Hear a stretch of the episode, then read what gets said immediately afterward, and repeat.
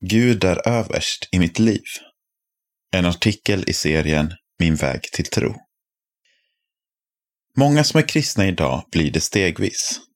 Det var även fallet för Ola Abrahamsson, som fick möta Jesus flera gånger innan han bestämde sig för att lämna över kontrollen.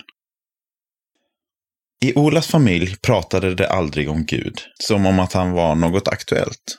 Trots en positiv syn på kyrkan kändes en personlig relation med Gud långt borta. Som barn var Ola med i scouterna från kyrkan, vilket blev ett möte med kristen tro. Jag tyckte att det var ganska mysigt, men jag tänkte inte så mycket på Gud då heller. På ett scoutläger innan konfirmationen fick de ta emot nattvard. Ola fick då en stark upplevelse och blev nyfiken på vad Gud hade att erbjuda honom. Kärleken till kyrkan. Så kom konfirmationen och den var över Olas förväntan. Jag märkte hur mitt liv förändrades, att jag fick en ny energi. Jag kände att mitt liv blev mycket bättre. Guds välsignelse kom till mig på många olika sätt. Från att tidigare ha mått ganska dåligt kunde Ola nu känna sig mer social och må bättre. Då den större delen av konfagruppen kom från hans skolklass upptäckte Ola också en förändring i klassen. Stämningen var mycket bättre och Ola började även trivas väldigt bra i kyrkan. Gud krävde allt. När Ola blev 16 år var det mycket annat som drog i honom.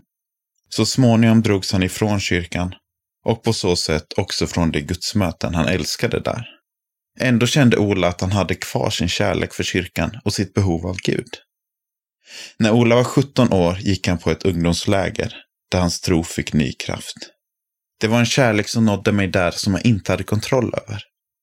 Men även om det förändrade honom på insidan upplevde Ola fortfarande att det var väldigt svårt att förändra hela livet. Med tiden förstod Ola att Gud krävde allt. Samtidigt tyckte Ola att det kändes svårt att lämna över kontrollen. Hur ska man kunna vara ung och kristen? undrade han. En vardag med Gud.